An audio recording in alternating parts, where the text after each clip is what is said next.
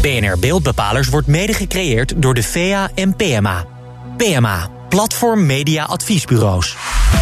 BNR Nieuwsradio. BNR Beeldbepalers. Diana Matroos.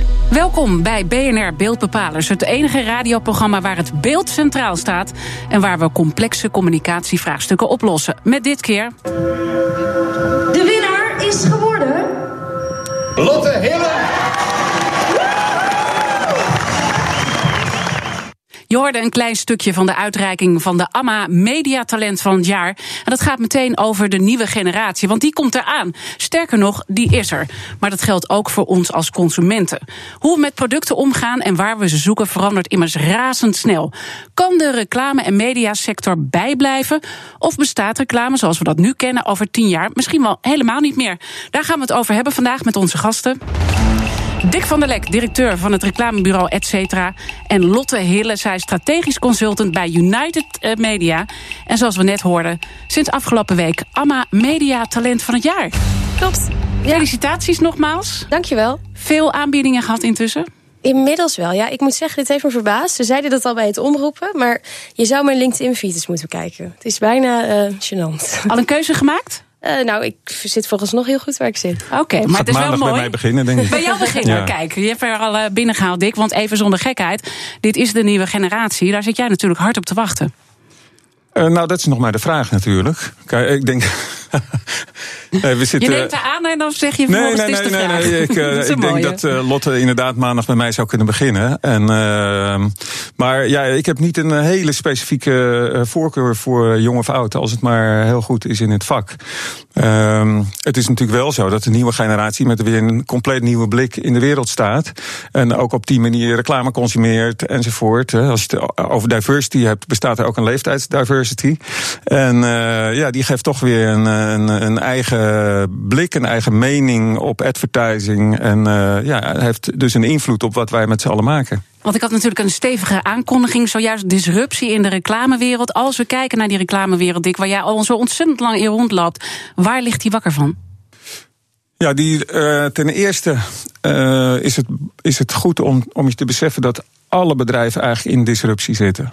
Dus uh, um, Airbnb, Tesla, uh, Amazon. Uh, Amazon die heeft nu weer een nieuwe vinding waarbij je de winkel ingaat. als je van tevoren een QR-code hebt, hebt gescreend, dan, dan traceert hij alles wat je afrekent. Wat je in je karretje gooit en je hebt betaald als je naar buiten gaat. Nou, waarom heb je dan nog een bank nodig? Dus als ik een bank zou zijn, zou ik me ernstig zorgen maken. Maar dat moeten wij als reclamebranche ook. Want er zijn allerlei manieren Vroeger, toen ik begon, had je, en dat is nog niet zo lang geleden, toen maakte 20% van de bureaus die maakt eigenlijk 80% van het inkomen. Nou, dat is nu denk ik andersom. Dus er is een enorm aanbod van bureaus ontstaan. Enorm nieuw aanbod van media. Uh, in de goede tijd voor mij dan waren wij eigenlijk monopolist. Hadden wij het monopolie op creativiteit, want die hadden de anderen niet. Een monopolie op massamedia, want die, dat waren er maar een paar. En daarmee konden we ons werk redelijk gemakkelijk doen. Achteraf gezien, toen vond ik het best moeilijk. maar het was een massawereld, uh, als ik het even samenvat, waar gewoon het geld uh, nou, met bakken naar binnen kwam. Er waren een aantal bureaus, reclamebureaus, die de dienst uitmaakten. En het was eigenlijk best een goede wereld als je er nu op terugkijkt. En dat is nu totaal ja. anders. Als je kijkt bijvoorbeeld met budgetten online, dat 80% al bij Google en Facebook ligt. Ja, die hebben de hele online advertisingmarkt, uh, dat weet Lotte meer van dan ik, maar die hebben die hele markt gedomineerd. Ja, want misschien tijd. mooi om dan inderdaad Lotte erbij te halen. Jij bent dus die nieuwe generatie. We gaan het later nog eventjes hebben waarom je die onderscheiding hebt gekregen. Maar als je nou eens eventjes naar die reclamewereld kijkt, hè, er is een disruptie gaande. Zie jij dat ook? Ja, ja, nou dan is het even goed om te zeggen, denk ik, dat, uh, dat wij bij een ander soort bedrijf werken. Ik werk bij een mediabedrijf, jij werkt bij een reclamebureau. En ik denk ook dat wij er iets anders in staan. Waar ik heel graag zie dat reclame en media wat dichter bij elkaar komen. Proef ik dat jij het niet erg vindt als dat een beetje bij elkaar vandaan blijft? Maar nee hoor, dat, uh, dat heb ik niet gezegd. Oké. Okay. Okay.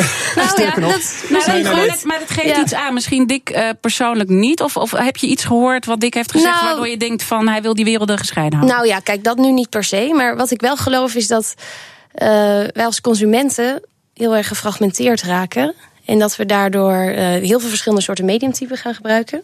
En dat ik daardoor denk dat het heel belangrijk is om samen te werken met verschillende partijen. Om zo tot tot een tot een vervolg te komen. Oké, die samenwerking zeg je is heel erg belangrijk. Hè? Want Dick zit meer aan, voor de luisteraars aan het spectrum waar de reclames uh, worden gemaakt. En jij zit bij de mediabureaus waar bepaalde uh, zaken worden ingekocht. Ja, en daarin klopt. zeg je, er zou meer samengewerkt moeten worden tussen de reclamebureaus en de mediabureaus. Kan je een voorbeeld geven?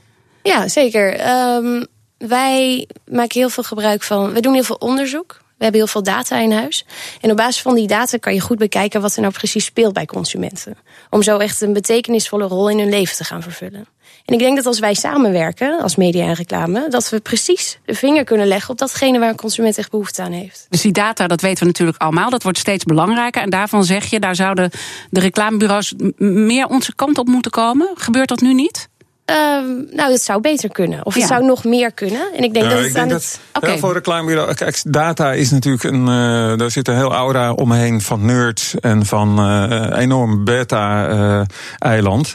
En daar zijn met name creatieven niet in de eerste instantie niet in geïnteresseerd. Tegelijkertijd zijn creatieven altijd op zoek naar inzichten. Ja, op welke manier kun je heel slim uh, in het brein van consumenten binnenkomen. En dan uh, zijn die data juist weer heel nuttig om daar je informatie vandaan te maar halen. Maar er zit wel een cultuurverschil tussen die data-driven dus, mensen? Je, maar het is niet nieuw, hè, want uh, wij hebben ook een databedrijf.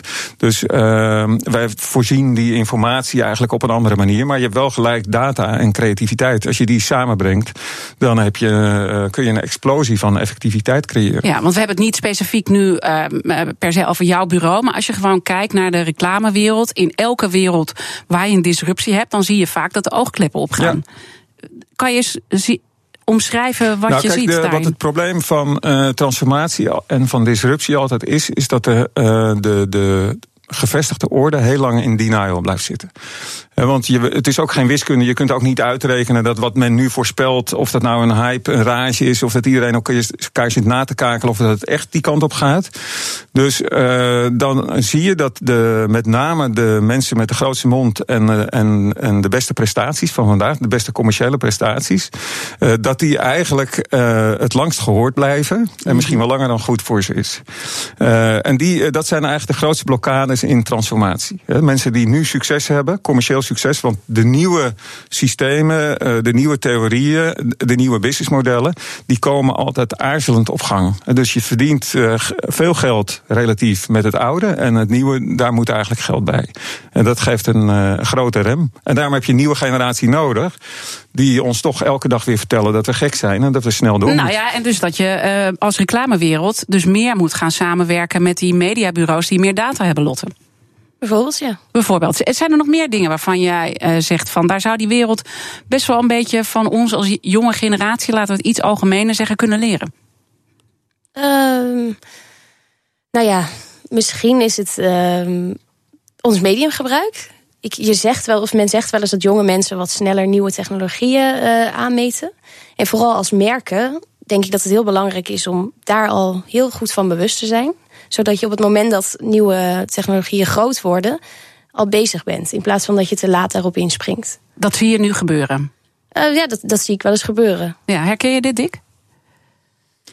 Ja, uh, ja, ik heb drie kinderen in, in uh, niet in de leeftijd van Lotte nog, maar wel in een uh, leeftijd die vol zitten met digitale consumptie, met die hun eerste miskoop online hebben gedaan en die de hele dag op hun mobiel zitten. Of, dus ik krijg die informatie ook wel. Het is niet zo dat als je niet jong bent dat je het allemaal niet ziet. Ik denk wel, op het moment dat je veel jonge mensen om je heen hebt, op welke manier dan ook, dat dat heel erg inspireert en dat je heel veel informatie en voorsprong geeft.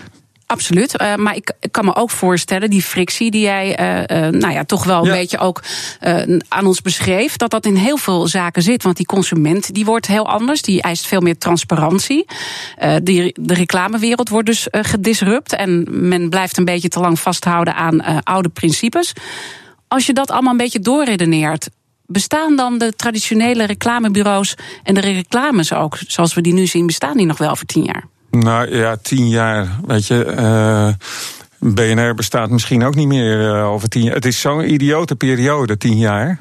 Ik kan in, in onze branche, ook vanuit onze branchevereniging, kan ik eigenlijk uh, niet veel meer vooruitkijken dan een jaar of zo. De, de, de, ook de, de kunstmatige intelligentie die gaat zo logaritmisch omhoog, dat wij ons geen voorstelling kunnen maken van een periode van, van over een paar jaar. Maar je weet aan de andere kant al zoveel. Ik bedoel, op het moment dat die logaritmes steeds meer gaan bepalen wat ik waar kopen, dan wordt toch de hele, het hele brengen van de reclame totaal anders. En bestaat dat toch niet meer? Nee, ja, dat, dat is waar. Hè. Dus heel veel reclame, uh, dat weten mediamensen, die zitten daar nog zwaarder in dan wij. Maar uh, het wordt programmatic, hè, dus gewoon geautomatiseerd. Uh, dus wie ik waar, met welk profiel, met welke propositie kan bereiken, dat kan de computer veel beter en veel sneller dan wij. Alleen, ja, je, het, ze voorspellen dat 20% van elke koopbeslissing van, is, gaat toch zitten in het merk en het bouwen van voorkeur en het bouwen van een fijne aura om iets heen, waardoor mensen verleid raken. Dus 80% eh, programmatic op termijn en 20% gewoon emotie, merk en uh, gevoel. En dus blijven toch die reclames wel belangrijk ja, ergens, ja, alleen dan op een andere manier. Uh, Nike die heeft, uh, verkoopt niet zoveel schoenen omdat ze de hele dag aan het retargeten zijn, maar omdat ze 20 jaar in advertising hebben gebouwd. Denk jij dat ook, Lotte? Blijven die reclames gewoon bestaan? Of zou het zomaar kunnen zijn dat over tien jaar dat gewoon helemaal is weggevaagd en dat het op een totaal andere manier de consument benaderd wordt? Ja, ik denk dat het wel wat anders wordt. Ik ben het heel erg met Dick eens. Uh, merken blijven enorm belangrijk. Maar juist omdat consumenten zich zo versnipperd verhouden in de media, denk ik dat het belangrijk is om ze ook op een andere manier te benaderen. Dus echt die momenten te zoeken waarop we een bepaalde rol in hun leven kunnen spelen. Kan je daar een voorbeeld van geven? Ja, um, wij doen uh, jaarlijks een onderzoek en daaruit kijken we naar verschillende momenten en de behoeftes die mensen op dat moment hebben. En zo blijkt het bijvoorbeeld dat wanneer je het gedrag hebt shoppen, dat het nogal uitmaakt of je dat stiekem tijdens het werk doet of s'avonds op de bank.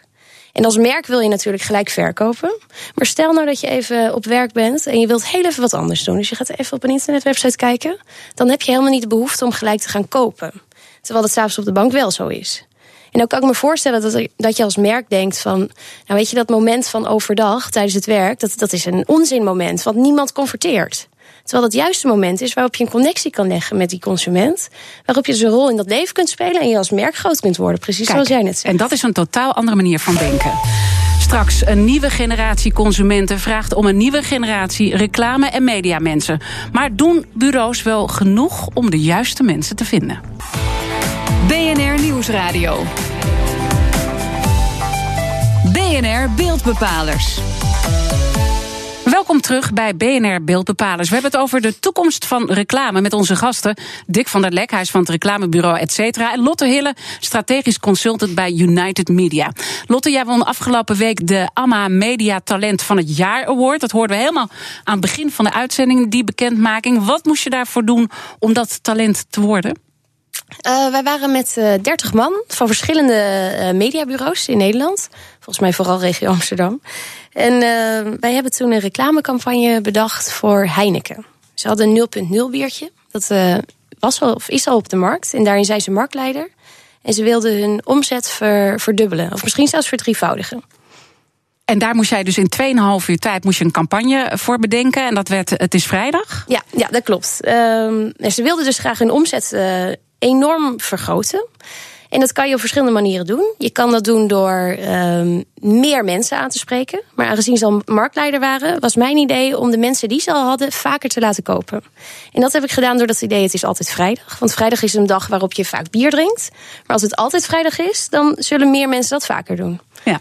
Het is, het is voor de alcoholconsumptie misschien ja, maar het is 0,0 weer. Ja, 0,0. Ja, ja, dat maakt, dat maakt het, wel heel Dat maakt een groot verschil. Belangrijk om dat even erbij te zeggen. Als je dan kijkt, hè, want je hebt met, met die JIM-talenten, heb jij, hè, jong in de media-talenten, daar heb je natuurlijk heel veel ook met, met andere mensen samengewerkt. Ook een beetje gezien wat die deden. En als je dan kijkt wat je zelf doet, wat kenmerkt jullie nieuwe generatie in de uh, aanpak? Nou, dat heeft wel een beetje te maken met dat waar we het net over hadden. Die zijn niet meer per se gebonden aan één discipline of aan één bloedgroep. Die zijn wel in staat om wat, wat breder te kijken en ook um, ja, wat breder na te denken over oplossingen. Omdat Omdat het nu eenmaal niet meer vanuit één discipline te, te regelen is. En, en kan het ook iets zeggen over waar de nadruk in reclames in de toekomst meer op komt te liggen? Gaat het meer om gedragsbeïnvloeding? Gaat het meer om het maatschappelijk uh, belang? Gaat het meer om entertainment? Kan je daar ook nog iets uithalen? Ja, ik denk niet per se dat het te maken heeft met, uh, met de talenten zelf, maar met het gedrag van de consumenten. En zoals we het net al over hadden, dat wordt volgens mij meer versnipperd. Dus je vindt ze op verschillende plekken. Uh, waardoor je op verschillende momenten moet gaan kijken hoe je ze benadert. En de rol die je daarin gaat spelen. Dus op sommige momenten kan je dan een entertainer zijn. En op een ander moment bied je ze gewoon een korting aan. En als jij dan kijkt, Dick, naar de mensen die bij jou werken. Je hebt uh, allemaal van die topcreatieven lopen. Maar gaan die met alle respect wel genoeg mee in die nieuwe wereld? En er zijn er genoeg nieuwe mensen die ook goed opgeleid zijn voor die hele nieuwe wereld? Nou, er zijn, we hebben altijd uh, veel jonge mensen rondlopen. Dus het is altijd een mix van, uh, van senioren en jonge mensen. Commercieel gezien is jonge mensen niet altijd interessant, omdat er altijd een flinke ring van senioren omheen moet opereren. En dan denk je van met junioren ben ik goedkoper uit, maar dan ben je toch langer bezig. Dus je moet ook als bedrijf in geloven en ook een beetje schatplichtig zijn dat je, dat je vindt dat je die kennis moet, moet overdragen.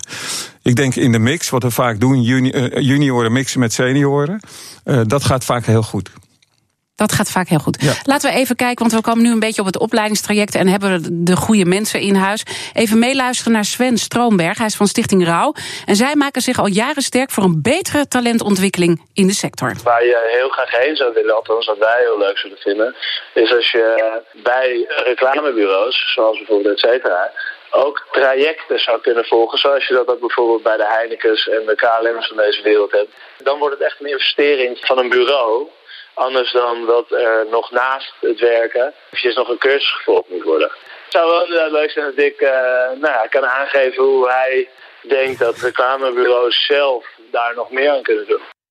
Ja, Dick, je bent het wel een beetje van ons gewend. We dagen je een beetje ja, uit ja, natuurlijk. Altijd een verrassing hier. altijd een verrassing, maar, nee, nee, maar wel terechte vraag, denk ik. Ik vind het een, een goede vraag. En uh, ja, uh, we hebben natuurlijk een hele diepe crisis achter de rug. En in tijden van crisis, ongeacht de branche, wordt er weinig geïnvesteerd in de toekomst. Is het allemaal het moment nu. En is er dus ook veel te weinig geïnvesteerd in, uh, in jonge mensen. Overigens, heel belangrijk, ook in oudere mensen. Want het tekort, kijk, Lotte die, die is digitaal geboren. Die, daar heb je minder werk aan om die op te leiden, bij wijze van spreken. Maar mensen van een, een gemiddelde leeftijd, ja, die hebben het idee dat ze al misschien 10, 20 of soms, zoals ik, 30 jaar meegaan. En voelen ons een, een hele Piet. Maar ja, die, die houdbaarheid van die kennis en ervaring is natuurlijk heel beperkt. Dus eigenlijk moet iedereen back to school. Ik heb een stukje geschreven dat heet van Mulovac naar Rocket Science. Dat is wat er aan de hand is in onze markt. Het is zo technisch aan het worden. En uh, er is, zijn zoveel nieuwe skills nodig. Die deels door uh, jonge mensen kunnen ingevuld worden. Maar de oude generatie hebben we daar ook voor nodig. En als je dat dan allemaal beschouwt, dan is zijn vraag eigenlijk: zouden die bureaus, hè, dus niet zozeer jouw ja, bureau, leertraject. meer leertrajecten ook in huis moeten doen? Want nu ja, moet het vaak buiten de deur zoeken. Ja, ik denk, we investeren natuurlijk ook als brancheorganisatie wel in opleidingen buiten de deur. Maar uh, het is niet zo dat we niet, niets doen. Hè. We hebben eigenlijk op elke afdeling wel stagiaires. Ik neem uh, persoonlijk ook met enige regelmaat mensen onder mijn hoede. Ook mensen van buiten. Uh, dus we doen echt wel dingen. Maar ik ben het wel met Rauw eens. Het zou heel mooi zijn als er een soort standaard leertraject kwam. Dan moeten de opleidingen wel voor ingericht zijn. Dat mensen niet twee maanden bij ons komen. Want je leert het niet in twee maanden. Dan moet je gewoon een half jaar intensief met iemand mee kunnen lopen. Ja, want uiteindelijk is die specialisatie gewoon ook heel erg belangrijk. Dat je met dat data-driven wat uh, Lotte aanhaalt, dat combineert met die creatieve kennis die er al heel ja. lang rondloopt in de wereld. Ja. Wat zou voor jou belangrijk zijn, of voor jouw generatie als het gaat om opleidingen? Want er wordt aan alle kanten aan je getrokken. Hè? Nu ja. ook dat je die uh, AMA Award hebt gewonnen. Um, nou, ik denk dat het goed is als bureaus zich er zelf van bewust zijn dat die talenten dus inderdaad weggetrokken worden. En dat ze dat door Google en Facebook ook, hè? Ja, ook. Ja. Maar eigenlijk door, door verschillende bedrijven. Um, en dat, dat zij zich ervan bewust moeten zijn dat ze wanneer ze zelf een opleidingstraject bieden. En dat kan inderdaad een training zijn of een cursus of een goede, een goede mentor. Die, die heb ik. Ik moet zeggen dat ik daar heel erg blij mee ben. Um, dan, word je, dan blijf je wel waar je zit. Omdat je dan doorhebt dat, dat ze goed voor je zijn. En jij moet waarschijnlijk ook ervoor zorgen dat je niet te snel naar een toppositie wil. Zodat je ook echt kan groeien in de breedte, kan ik me voorstellen. Zodat je ook weer wat hebt aan nou ja, de oude wereld, Dick. Ja, nou ja, dat ken, kenmerkt misschien mijn generatie. dat wij sneller willen groeien dan dat we misschien kunnen. Daar wil ik Ehm, zo ook wel wat over zeggen. Oh, nou, daar ben ik heel benieuwd naar. Nou, dan mag je dat meenemen in het eindoordeel. Want we komen alweer bij een conclusie. Bestaan reclames over tien jaar nog en reclamebureaus? Dick. Nou, ik denk, kijk, reclame is ook maar een woord. Hè. Ik zie onszelf als eh, specialisten in de markt voor creativiteit. Daar hebben we heel veel ervaring mee. Dat is helemaal niet zo makkelijk, want het is niet meetbaar. Het is niet tastbaar. Een idee kan vandaag komen of over twee weken. En wij hebben decennia ervaring met het eh, managen van creatieven... en het eh, creëren van een cultuur waar die mensen zich thuis voelen... en waar ze een hoge productiviteit krijgen.